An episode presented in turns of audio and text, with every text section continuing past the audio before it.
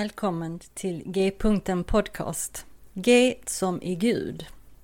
Jag heter Monica Albin och detta är en podcast för oss som är på en resa i tro och liv, i andlighet och allt som har med Gud att göra. Vad nu Gud betyder för oss. En öppen atmosfär där inga frågor och funderingar är dumma och där vi tillsammans ska få vidga vyerna. G-punkten betyder att Gud är mittpunkten, i centrum av samtalen och genomsyrar allt och alla. Och därifrån är vägarna öppna att fortsätta framåt och utforska nya vyer.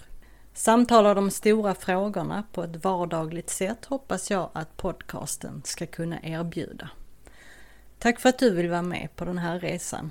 Så välkommen på resan mot G-punkten.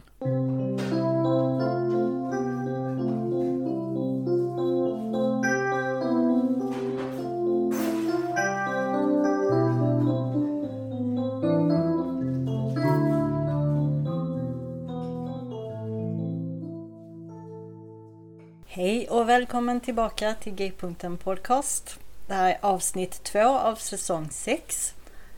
Och idag så samtalar jag med pastor Brian Zond i St. Joseph, Missouri i USA. Han är grundare och föreståndare för Word of Life Church sedan många, många år tillbaka. Och vi pratar om hans liv, hans trosresa och hur hans omformande av sin tro påverkade församlingen och var de är idag. Och så pratar vi om några av hans böcker och speciellt den senaste When Everything's On Fire som nu också finns i svensk översättning. Den heter När allt står i brand. Eftersom jag har lyssnat på så många av hans predikningar och intervjuer med honom och läst så många av hans böcker så kändes det som att få prata med en god vän. Och jag hoppas att du ska känna av den varma tonen i samtalet. Jag lägger länkar till eh, Eh, hans hemsida och till böckerna i avsnittsbeskrivningen. Och som vanligt gilla och dela gärna avsnittet på sociala medier och till dina vänner. Följ podcastens Facebook-sida och blogg och skriv gärna dina funderingar och kommentarer. Utan att dröja längre så kommer nu här samtalet med Brian. Welcome to G-punkten Podcast, Pastor Brian Sand. Thank you for having me. It's good to be here. Yeah, it's great to have you here. Uh, and I'm sure you have fans in Sweden, uh, but maybe not everyone listening know who you are. So uh, maybe just please introduce yourself briefly, just who you are, where you live, and what your family looks like. All right. Um, I'm Brian Zahnd, pastor of Word of Life Church in St. Joseph, Missouri, which is right in the middle of America, near mm-hmm. Kansas City, if people know where that is. Yes. And I have I'm the founding pastor and I've been there for 42 years. Wow. and and I'm 64 because I know people are going, well, how old is that? well, I'm, I'm 64 and I've been the pastor of one church for 42 years and I wow. have uh, written 11 books, working on the 12th and uh, so that's that's a that's a quick summary. mm-hmm, mm-hmm. And you have a wife? I do. I'm married. She's upstairs, I believe. we have three adult uh, sons, and they're all married, and we have eight grandchildren who live, I don't know, five minutes from us. Oh, great! So uh, that's all. It's all wonderful. That's all good. oh, that's great. Being a grandparent and having yeah. your grandchildren so close. Mm-hmm. Uh huh. Um, you've written quite a few books, like you said, and uh, you have lots and lots of your sermons online. Yes. And uh, we'll we'll get to that, but for uh, first, I'd like to hear your story. Uh, I've heard it uh, several times, but my listeners might not have heard it. But your story from childhood and on, like your faith mm-hmm. journey, what did the faith of your childhood look like, and why and how did it change? Yeah, I grew up in a church that I was um, I was not intrigued by. I mean, I didn't, I wouldn't say I resented it. I didn't, but neither was I captured by it. And as I entered my teen years, I became pretty rebellious and, and, uh, sort of a troublemaker. And when I was 16, though, I had a, just a, absolute dramatic encounter with Jesus Christ. And I just went overnight from being the high school Led Zeppelin freak. I still like Zeppelin yeah. to being the uh, high school Jesus freak. And by the time I was 17, I was leading a ministry. This is during what we know as the Jesus movement, if uh-huh. anybody's uh-huh. familiar with that. Yeah, yeah, yeah. And I was leading a ministry called the Catacombs, which was more or less a music venue because you know music was such a big thing with the Jesus movement. Mm-hmm. Uh, but I would occasionally teach there, and well, by the time I was 22, five years later, we we sort of just acknowledged that this had essentially, for a lot of young people, become a church. Mm. And so and so we just made the leap and changed the name from Catacombs to Word of Life Church. And, you know, suddenly I'm a pastor. Now, so I say I say I've pastored Word of Life Church for 42 years. That's true. Mm. But I was essentially doing the work of a pastor for five years before that. Wow. So I tell people I've been a pastor longer than I've been an adult. Is that good every or bad? time I say that, it makes me laugh. I mean, I'm not recommending that. I'm not saying that's a good idea. It's just what happened. It was yeah, just yeah, yeah. what happened. Uh-huh. And um, you know, our church was small, and it stayed small for seven years, and then, somewhat inexplicably, it began to grow, and then and then grew tremendously through mm-hmm. the '90s. Yeah, yeah. Um, we we were at times among the fastest growing churches in America, and I'm in a relatively small city, seventy thousand people. Mm-hmm. Uh, but we had several thousand people attending, and those were exciting days. Uh, I look back on them mostly fondly in that it's just exciting, you know, to be a part of something like that. But as I entered my 40s, I began to have a growing unease. Hmm. And I began to feel like I, I wasn't having doubts about Jesus. I was having doubts about the Christianity that I knew. Mm. Christianity American style, we'll say it that way. Mm-hmm. It was beginning to feel thin, cheap, consumer oriented, and way too American. Yeah. And uh, you know, I I didn't know what to do. I didn't say anything at first, and I I thought, well, I'm just going to back up what I mean by that is I'm I'm going I'm going to examine the faith as far back as I can because okay. I felt like something was off track. Mm. So I, I knew the scriptures, I knew I knew the Bible, but I started reading the church fathers. This is what comes next. You know, this is the very earliest Christian theologians, and so I started reading the church fathers, and that recalibrated me. And uh, one thing led to another until about 20 years ago. In fact, it, it will be 20 years ago. Oh. In 2004, man, 20 years ago, oh, wow. um, there, there was there was sort of a a theological breakthrough in my life. It was a result of a period of uh, prayer and fasting and that sort of thing, and um, I, I just I I began to attend very seriously to the best forms of theology across the entire spectrum of the body of Christ. I began to read voraciously. Mm. I was reading hours of theology every night and loving it. It was never work. It was like, well, where you been all my life? And it's like I had struck gold and I couldn't pull it out of the ground fast enough. Wow. Of course, this began to change me because you have to imagine Word of Life, you know, 20 years ago mm-hmm. as, you know, kind of a, a word of faith, mega church in America. Mm-hmm. mm-hmm. You know, to give you an idea. Yeah, yeah. I don't think I don't think we, we weren't bad. I say that and people like you must we, we weren't. Uh, our, I would say our theology wasn't great, but you can do bad theology in good faith. Mm-hmm. You don't want to stay there. And so my preaching began changing. And I remember by August of 2004, I, I, you know, in the course of a sermon, I announced, I'm packing my bags from the mm. charismatic movement. Mm-hmm. I'm moving on. Now I did it with enough skill that you know the congregation applauded until I actually did it. Yeah. when I actually actually moved on, uh-huh. then there was a growing dissatisfaction.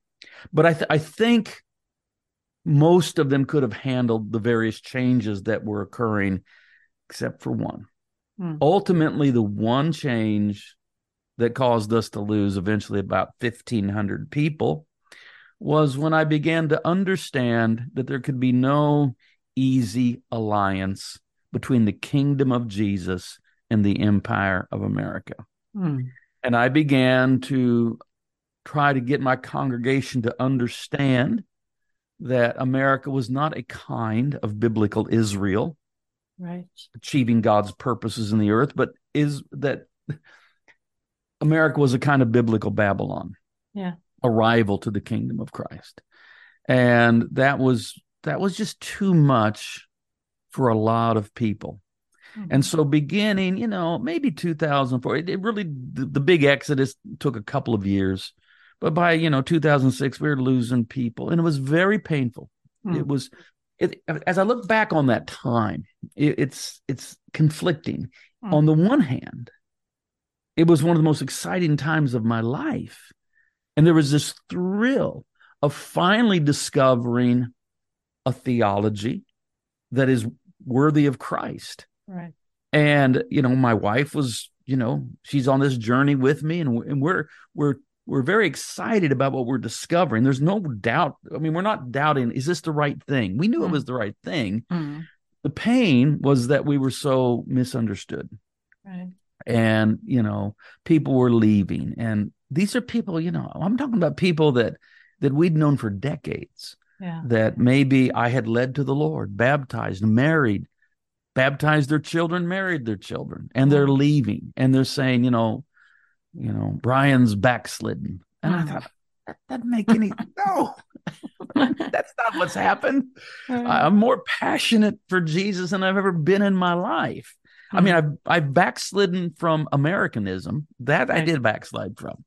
Right. Uh, but in their way of thinking, you know, this kind of Americanized Christianity and the kingdom of Jesus were all one thing. And so that so for 10 years we we felt that pain. Mm. It it took about 10 years to transition the church into whatever we are now. I'm not sure what we are, but we're we're, we're respectful of the great tradition um whatever you can ask me questions if you want about what our church is like i suppose but it took us about 10 years to get there hmm. by 2014 we're pretty much what we are today hmm. um it took two more years for Peri and i to finally heal and it yeah. what the result was it took us walking the Camino de Santiago for the first time. Right, right. And then we did that in 2016. And I don't, this is this long pilgrim journey across yeah, Spain, yeah, 500 yeah. miles, 800 kilometers. Um, all I can tell you is, I can tell you a lot, but for mm. brevity's sake, mm-hmm. I'll say we began that walk September 16th, 2016, very wounded, still mm. hurting. And 40 days, 800 kilometers later, we were healed. Mm. And we've been healed ever since. And wow. and so it's a it's a very good season. That's so I don't know if you wanted that much, but there you go. I gave oh. you a but I'm I'm covering 42 years here. Yeah. So. right. Well, thank you. I know you uh, you picked a great time to walk the Camino too. It yeah. was just uh, before the the election of uh, Donald well, that Trump, was that was part of it. Yeah, that was part of why I did it. Mm-hmm. I, will tell you a little something about that though. So I'm an American walking the Camino, mm. and this is you know September October 2016, and mm-hmm. when people would learn I'm an American, you know, because people are from all over the world. Yes. And they would they say, "What's what's this thing with this Donald Trump?" Right. And I told every one of them, I said, "Don't worry about it.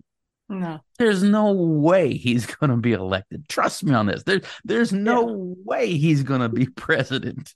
That's what and the rest what of really us said. so so somewhere there's these people that walk the pilgr the the Camino in 2016 going, that guy misled me. Promise me that well yeah. and so yeah, then what's interesting, um I'm, I'm assuming this podcast is going out mainly in Europe. Yeah. Um, Well, in the States as well. yeah, okay. And So, the election of Donald Trump has created a lot of havoc, did create a lot of havoc within churches across America. It didn't in our church.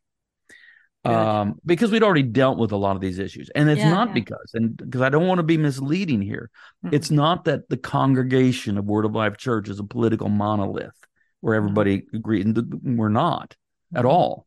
No. but we just understand that politics is politics and it's not the kingdom of Jesus. Right. and so right. we're not bringing religious devotion to the messy process of politics. Oh, that's good. So it hasn't it, that we haven't had any problems like that. Oh, good. Good for you. Yeah. Uh, I, it might be eight or so years ago that I heard an interview with you uh, on Luke Norsworthy's podcast. Mhm.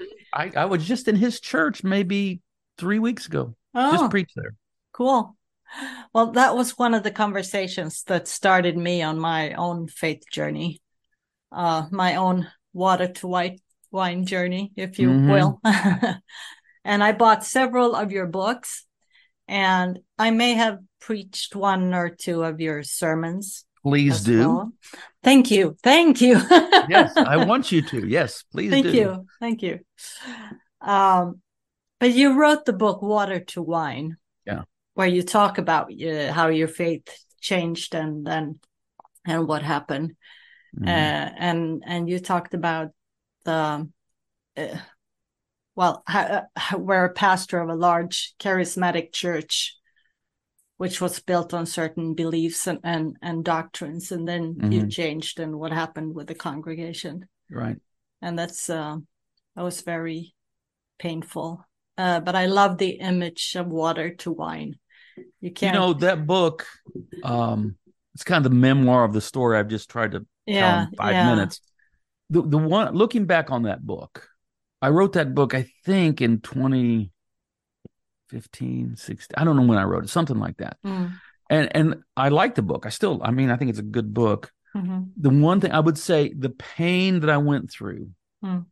was greater than I depict in the book. Mhm. because I was still feeling it when I wrote the book, and I was still trying to keep it at bay. Yeah, Uh, Today, I, I the pain's gone. I feel I'm healed, yeah. But I can look back and say, "Oh yeah, it was even worse than that." Oh, wow. Which I don't know if that scares people or what. But that's oh. Well, your latest book is called When Everything's on Fire Faith Mhm. Forged from the Ashes. And it's uh, just recently got translated into Swedish. I, I I just got. A Oh, you have it there. It arrived in the mail. Yeah, it, not that it does me any good, but No. I like having one. yeah. Well, that's good. I think, is that the first one that's translated into Swedish of your books? I'm not sure.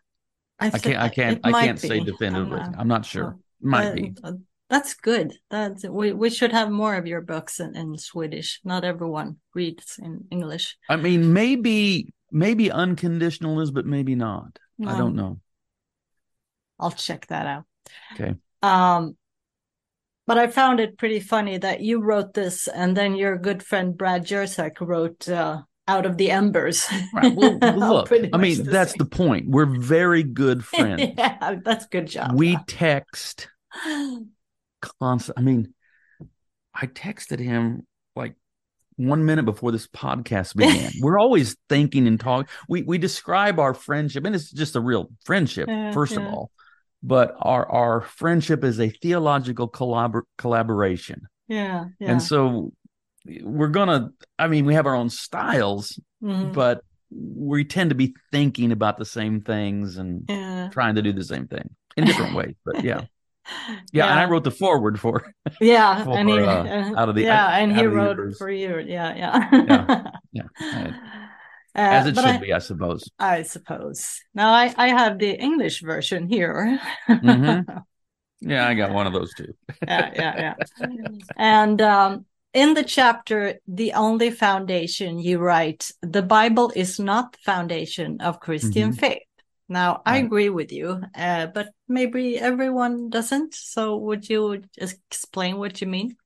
Well, the Bible tells us what the foundation is. and the Bible tells us it's Jesus Christ. Right, right. The problem comes with in the Protestant world, there is a tendency to mix up Jesus and the Bible into one thing, which is Mhm. actually a disastrous theological mistake. You can't Yes. do that. I love the scriptures. I Right. live in the scriptures. Right. I mean, I begin my day every day by, you know, spending time in the Old Testament, New Testament. I just live there. Hmm. And it's it's you know, I've written let me think, I can tell you 3,839 sermons from the scriptures, all right? Wow, wow. So so I have a high view of scripture, but the Bible isn't God. no, It's not Father, Son, and Holy Bible. no. It's and Jesus, you know, in the scripture, Jesus says, You search the scriptures Mhm. because you think that in them you have eternal life, but they are that which bear witness of me. So, you know, Paul is the one that says, No, no other foundation can be laid than that which is laid, which is the Bible. No, he doesn't say the Bible. he doesn't say the scriptures. He says Jesus Christ. Yeah. What the Bible does best is point us to Jesus. Right, right, right. So if if we take the scriptures as the inspired witness to Christ, then well what what'll happen is we will then place our faith in that which we are supposed to place our faith in. Mhm. Christ, not the scriptures. Right. I mean, we regard the scriptures as you know it's a canonical text, inspired text. Uh, but what it does is it points us to Jesus. right. And so that's where we put our faith, not because if you get that mixed up, Mhm. then people put too much pressure on the Bible to be something it doesn't claim to be and Mhm. cannot be. And that is absolutely perfect.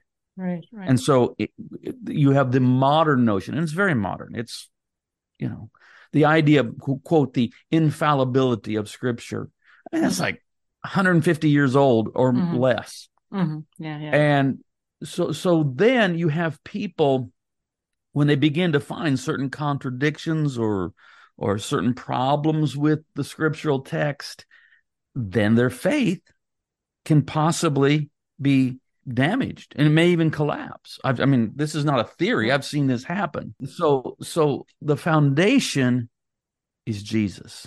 So that's not a low view of scripture, it's a high view of Christ right. and it's it's completely consistent with what the church has said for 2000 years And this is, I mean, why, I guess, why you wrote the book, because it's about this deconstruction thing that's going Yeah, on I for mean, several years. well, the- yeah, the book that's not the right word, but that book also has a connection with the camino i tell you that in the first Yeah. few pages of the book that in 2019 we were walking another camino we walked one in between those and then we just Mm-hmm. did one this this fall but i won't Yeah. bore you with all those details but in 2019 we were again walking the francés route of the camino de santiago and i was thinking about these issues. And when you walk the camino it's a little bit like a time machine in mm-hmm. that you can sense an earlier epoch. I mean you you can feel things from a thousand years ago because of because of the churches and the chapels and the way itself. You just you sense that.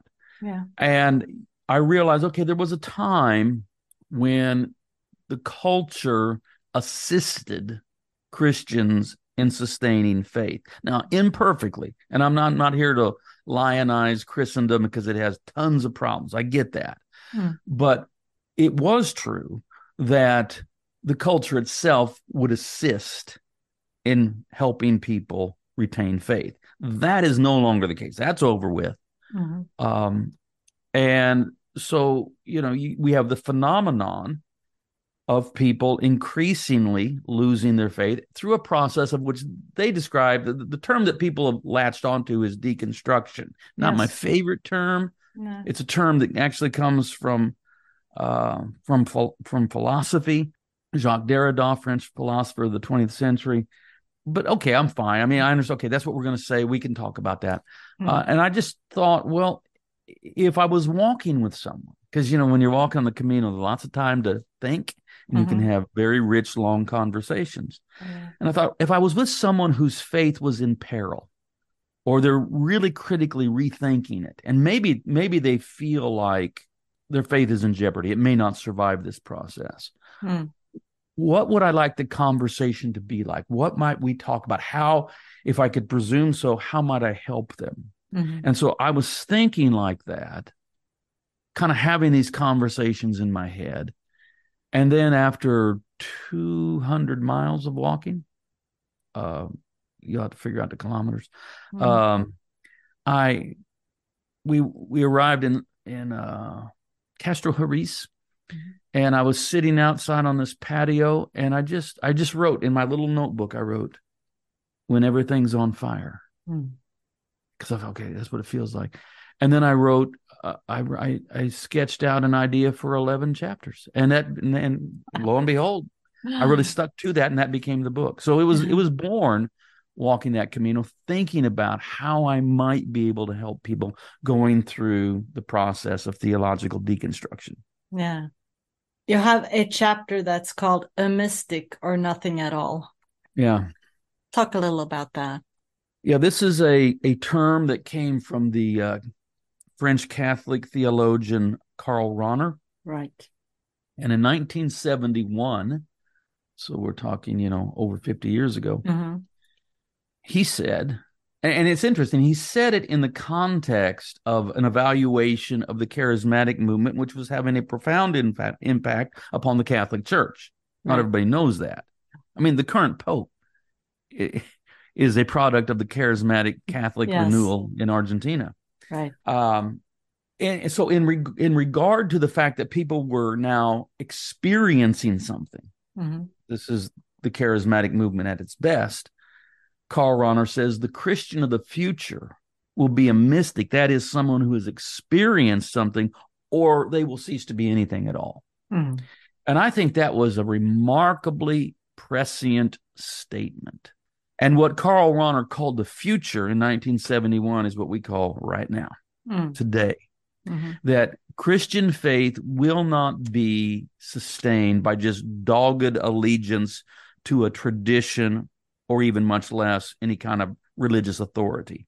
hmm Uh, the only thing that is probably going to sustain faith for most modern Christians in the Western world is some level of experience with God. And this is what we mean by mysticism. I know some people get scared of that word, like it's occultism or something. No, we're talking about Christian mysticism.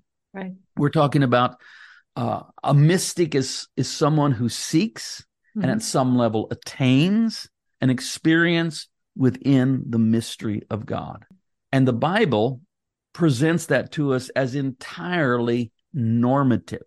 I mean, the, in the in the world of the Bible, the capacity to experience God is assumed that this Yes. is the norm. Right. And uh, some of that, a lot of that's been lost, and there's all kinds of complicated reasons. We could talk about some philosophy and things like that, why that has happened, Mm. the rise of empiricism, those sorts of things. And but that needs to be recovered because really that is what's going to sustain Christian faith. I agree with Karl Rahner. Christians today are Yeah. going to be at some level a mystic, or they're probably not going to be anything at all. Right. Uh, you conclude the book with talking about your appointment with God on Mount Sinai. Yeah, Would you say something about that? yeah. I, I mean, that's it. I love this story. Yeah. Um, it was 2006, and uh, Word of Life then was celebrating its 25th anniversary, and that felt like a really long time. Now it's 42, but you know, well, you know, Yeah. you know, pastor in a church for 25 years, that is a long time. And I thought, well, I said, I think I think I've got another 25 years in me, but but but I want to I want to do it well. yes. And so I I I made this is crazy, but it's um, yes for the story. I'll tell the story. Right. So I I made an appointment with God. I said, God, I would like to meet you on the summit of Mount Sinai at sunrise on November 9th, 2006. November 9th is the anniversary of my dramatic conversion Oh, way back in November 9th, 1974. So that that date was significant. Okay. We had just celebrated our anniversary on November 1st, you know, at Word of Life Church. And and uh, then we we flew to well, we flew to Tel Aviv and then we flew to Eilat and then we walked across the border into Egypt where we'd hired a, a guide. We kind of sight unseen, but we hired this guide and we needed an interpreter and someone that could get us to St. Catherine's Monastery, which is Mhm. at the foot of Mount Sinai. And his name was Mina. He turned out to be a, a Christian. First of all, I wasn't necessarily expecting he'd be a Christian, but he was, but a charismatic and, and a Mhm. Orthodox, an Orthodox charismatic Christian. Wow. And and um, he had a driver, a Bedouin, Ahmed, had his Toyota Land Cruiser, but because of um Al Qaeda at the time was in the Yeah. Sinai, they wouldn't go without uh, a security guard, and so Mohammed from Cairo was our security guard, and so and then Peri's with me, so the five of us get into this uh, Land Cruiser, and Ahmed takes us not on road. We start off on roads, but then he leaves the roads.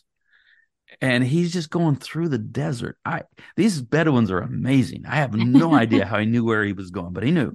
And uh, we arrived and we stopped along the way and saw some things, and that was really, really cool. We got into St. Catherine's Monastery about uh, 10 p.m. This is this this is the site of the longest continuous Christian worship in the world. They've been praying there five times a day, every day, for about 17 centuries. And uh, that was one of the reasons I wanted to go there too. Yeah. And so we got there, and I I asked around. I said, I said, my, my wife and I want to hike up to the top of the mountain. How long will it take? Hmm. And they said, oh, it'll take about four hours. All right, all right. So so we wanted to be there at six a.m. That's that was when sunrise was. And so we just got in, you know, got by the time we got settled in, we we probably didn't get to bed till midnight. We got to get up at two. Mhm. And so we're up at 2 a.m. and we we hike up. Well, we were we were very fit. We Mm. were hikers and mountain climbers, and, and we got up in two hours. so, so we're at the summit of Mount Sinai at 4 a.m. We have two more hours to wait. The problem was we I would just we were just had a little we're just wearing a little thin fleece, which Oh. was fine when you're hiking. Mhm. It was right at freezing. It was Mm. right at freezing. And so we sat there with these little thin fleeces for two hours in the freezing Oof. cold, waiting for the sunrise. You say you you say somebody says, Well, you could have no, my appointment was at sunrise. And uh and the, when the sun came, it was one of the most beautiful sunrises I've ever Mm. seen. I have pictures of it. And uh I prayed. We prayed, kind of re, you know, we we we signed up for another 25 years as it were and said you know god we we want we want to serve you. We we want to we want to bring this good news of jesus. Mm. and uh now we're hiking down. It's uh, it's you know it's day and we can see things and Mhm. we're hiking down the mountain. And for the first time we actually really can see st catherine's monastery because we didn't see it in the dark.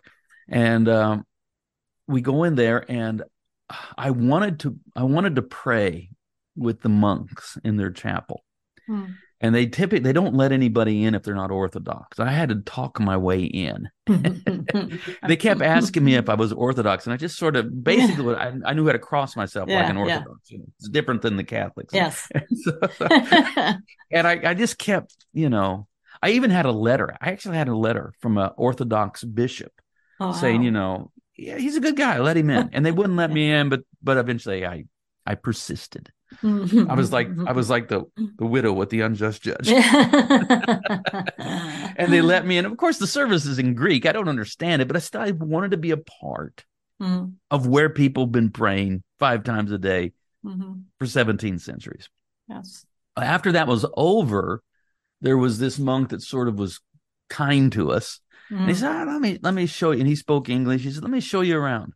Mm. And he led us around and showed us various things, you know, some of the treasures of the monastery, showed us the Christ Pantocrator, known as the Sinai Pantocrator. You Yeah, can yeah. Google it and look it up and see it. It's the oldest icon in the world. Wow. And it's been, you know, replicated. I'm probably not exaggerating if I said hundreds of thousands of times, maybe a Mhm. million times. You know, Mhm, it's mhm. out there. But we saw the original, and he showed us, you know, the library and all sorts of things. It was fascinating. And then, then he takes us outside into this courtyard, Hmm. and he points at this bush, kind of this viney. It's it's called a Sanctus Rabilis, or I can't remember what it's called, but Mhm. it's it's uh it's kind of a viney bush, and they there was a uh, little brick wall built around it, Hmm. And he just points at it and sort of nonchalantly says, "That's the burning bush. Oh. That's the burning bush." oh wow. And I'm like, "That's the burning." He says, "Yeah, yeah. This is this is Mount Sinai. That's why that's why we built the monastery here 17 centuries ago because this is the burning bush." Oh wow. Now, now, now, now, wait a minute. When you hear that, Yeah. you know, as a modern person, Uh, you know what I'm. I know what you're all thinking. Yeah, is it really? Is it really the burning bush? Mm, Here's my answer. Of course it is. It is the burning bush. Just like you can't see it, but just like this tree outside my window, this enormous American sycamore tree. mm, It's about 300 years old. That's the burning bush. right. You know the story. Yeah. Here's Moses. Moses, you know, wanted to change the world and he went about it all wrong and lost it all. Ends up out in the wilderness working for his father in law, tending sheep. I mean, he knows life has passed him by. Yeah. You know, at one point he was going to do something and change the world, but that's all over. Now he's just working for his father in law as a shepherd, Mm. and he's out in a remote section of the Sinai. And one day he encounters a bush that's burning. That's interesting enough, I suppose. Such a thing, I suppose, could happen. But as he observes it, he realizes wait a minute, the bush is burning, but it's not burned up, Hmm. not burned out. It's not turning to ashes. It's staying green, living, verdant, but it's burning. Well, I'm not going to go through the whole story. You all know the Right, story. right. Take off your shoes, Moses. This is holy ground. Here's what I wonder Was the burning bush a phenomenon of the bush or a phenomenon within Moses? Right. Had Moses perhaps reached a point through the long process in the desert where enough, whatever, pride, ambition, carnality, whatever, had been scoured away so that he could at last begin to recognize the glory of God Hmm. in all things? Um, Elizabeth Barrett Browning says it much better in a poem than I can say. And I, I, if I can find it in my book, it's uh I think it's in the it's in the very end of the book. Here it is. Elizabeth Barrett Browning, think about Moses and the burning bush. She says, Earth's crammed with heaven, and every common bush afire with God. But only he who sees takes off his shoes. The rest sit round and pluck blackberries. So yeah, that's awesome. So s- you see what I'm doing with the book because I Mhm. start with with a metaphor of everything on fire in a negative sense. That's why the Mm. the, uh, the the Swedish edition has. I mean, that's that's that's because I re- reference it in the book. This is Notre Dame, Right. Right. that tremendous fire from a few years ago, and and Mhm. that's sort of the state we feel like of Christianity in the Western world that it's Mhm. imperiled, that it's on fire, the whole thing could collapse. Mm. But okay, everything's on fire, but maybe everything's on fire. Um, the epigraph for that chapter is a line from Four Quartets by T.S. Eliot. We only live, only suspire, consumed by either fire or fire. Mm. Hmm. By the way, suspire is a archaic English word for breathe, but it rhymes with fire. So Yeah. we only live, only suspire, consumed by either fire or fire. right. So that there is the fire that is destructive. There Mhm. is a fire that, you know, just reduces everything to ashes. Mm. But then there's another kind of fire. Yeah. This is the fire that Moses beheld in the burning bush, where Mhm. there is fire, Mm. but everything remains living. Our God is a consuming fire. Mm. Later, Moses goes up on Mount Sinai into the fire of God, but Mhm. he is not consumed. Maybe, mm-hmm. maybe things that need to be consumed are consumed, but mm-hmm. he comes out of it living. And so the hope is that when everything's on fire, we can at last begin to recognize wait a minute, everything's on fire with the glory of God. Right. And if we can bring our soul into a healthy place, we can begin to perceive the glory of God where others don't see it. And we realize that we're in the midst of a miracle. We're living in the midst of the glory of God that's all around us. So that's kind of what's going on in that chapter and that ending of the book. Yeah. Now everyone just uh, wants to go buy the book right now. I, I, think. told I told the Sinai story in more detail. I don't know if you noticed that. Yeah, I, yeah, I went yeah. into more detail than I'd actually Mhm. do in the book, but Yeah, yeah. Uh, I'd like to read uh, just a few sentences from the end of the book, and it's a little Okay. about what you just said. Uh, and you write this I confess that this beloved world will finally be redeemed from the bondage of decay and Mm. shine like the sun. I am persuaded by the witness of the Holy Spirit that someday everything will be on fire with the divine glory of God. This is my hope. I Mhm. invite you to embrace this hope. I invite you to believe in God. That's beautiful and very. thank you. Thank you. And it is my prayer. And it is Yeah. my confession and my conviction and my belief and my faith. Yes. Yes, yes. I mean, I believe the world's going to be saved because Mhm. Jesus is the savior of the world. Right. Simple as that. Yeah. The Bible isn't the savior of the world. The Bible does tell us who the savior of the world is, though. exactly. Uh, when we're recording this, we're uh, uh, in the season of Advent. hmm And uh, you've also written an Advent book, The Anticipated Right. Christ. hmm uh, I read I read it through Advent last year, and uh, but this year I have there are so many Advent books. I can't Yes. read the same every year. uh, but you have this uh, uh, Advent book, and then you have um, the Unvarnished Christ. The unvarnished Jesus, that's for Lent, and the Yes. anticipated Christ, that's for That's Advent. for yeah. Advent. Right, right. Uh, I think this um, episode will probably be released just before Lent, so maybe you could say something about that. Well, I can, I can say a couple of things. I, yes, I do have a um, an ad a, a Lenten devotional that takes you all the way Yes. through the journey of Lent with with a you know like a two or three page reading, and it's Mhm. not you know it's, you could read it in three minutes. Yeah. You know, it's not it's not long, but it's something to help you on this long journey from Ash Wednesday all the way to the cross and to the Mhm. surprise of Easter. Yeah. But I also have, and you may not know this, I have a brand new book that releases February 6th, which is, I think, Ooh. like nine day, eight or nine days. But well, Ash Wednesday's February 14th this year, Okay. which Oh, in America wow. Valentine's Day. So yeah, it's, it's it's here perfect. well. Yeah, yeah, yeah. Those two. be my Valentine. yeah, Remember, you are dust, and the dust you shall return. That's hilarious. Yeah. Well, anyway, I have a brand new book coming out. wow. It's called um, The Wood Between the Worlds A Mm. Poetic Theology of the Cross. Okay. And I'm very excited about it. Mhm. It's it has it has art in it. It's got 16 full color art images in it. I would show it to you, but I don't even have a copy yet. Okay. Uh, but they tell me they're going to be printed on time and all of that. So good, good. you, you can order it now. I mean, it's available for order, uh, Okay, but good. it'll be released February Mhm. 6th. And, and the, the, I finished writing that book in July of last year, not Oh, this wow. year. So July of 2022 is when I finished writing it.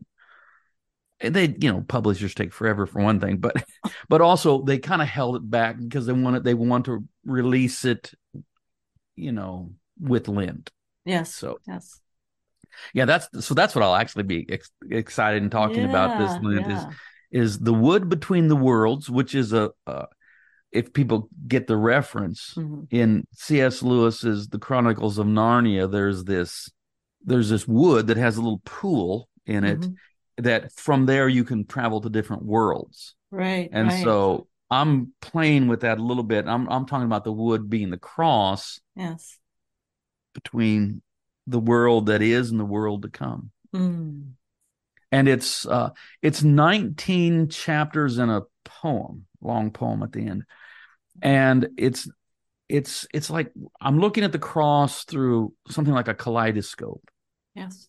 And we look at it and we see this, but then we turn it and then we oh now we see this and now we Mm. see so it's it's a kaleidoscopic view of the cross because one of the mistakes people make in theology of the cross is they want to say it's this one Mhm. thing what is they, they want a single theory of the Mhm. cross and that's a huge mistake the cross is many many things Yes. and so I, I'm not saying I, there's no way I get near approaching all of the meaning of the cross. I don't know that that's even possible. Probably No. not. No. But I do give you 19 different ways of looking at the cross and a poem. And it's the, the book. I, I, I lean into art and poetry a lot, Mhm. film. Hmm. So there, there's a poetic aspect to the book in that sense. Oh, cool. I'll go and uh, pre-order it right now. Yeah. Okay, great. so, is there anything else you want to say about your books or anything else uh, about your work or just anything else you No, want to no, tell? I'm I'm, I'm just Swedish appreciative people? that that people read and and hear it, and uh, I'm so happy that that uh, when everything's on fire's come out in Swedish. It's also Mm-hmm. being released about now Mhm. in Czech, Wow. And uh, in fact, I'm going to go. I'm, I'm going to be in Czech Republic in whenever I'm going to be there. I think Mhm. it's. I think I've forgotten. I think it's September, so it's a ways off. Yeah. I think it's September next year. uh-huh. uh, as part of it. So, so it, it might might not be out yet, but I've seen the cover, and so Mm. okay. that's exciting. You're not coming to Sweden, are you? Uh, I would love to. uh, you know, somebody's got to invite me and you know Right. set up something, but I would love to go to Sweden. I've never been. I've been all. I've been in fifty countries and still haven't been to Sweden. That just seems like a Oh, a, a, yeah. a crime almost. that is a crime. It's just about time then. Yeah. Well, I have one question that I ask all my guests, and it's Okay. where where do you find pleasure and well-being right now? I'm I'm going to try to just not just give a stock answer. Um, I find pleasure and well-being right now in that hickory rocker that maybe you can see. I don't. If people are just listening to this, they won't see it, but you can see over my shoulder. Yeah. There's a hickory rocker sitting next to a wood stove hmm and we're coming into winter and one of i find great pleasure and well-being sitting there in the morning first reading a, a king james bible look I, I don't preach out of the king james i don't use that for my books but i like just the beauty of the language reminding myself that this is an old text not a new text Uh-huh. and just reading this old King James Bible with the Gustave Doré uh, illustrations in it. And then uh, that's where I like to sit and pray in the morning. So um, I don't know if that sounds like I'm not trying to be super spiritual. I'm just giving you an honest answer.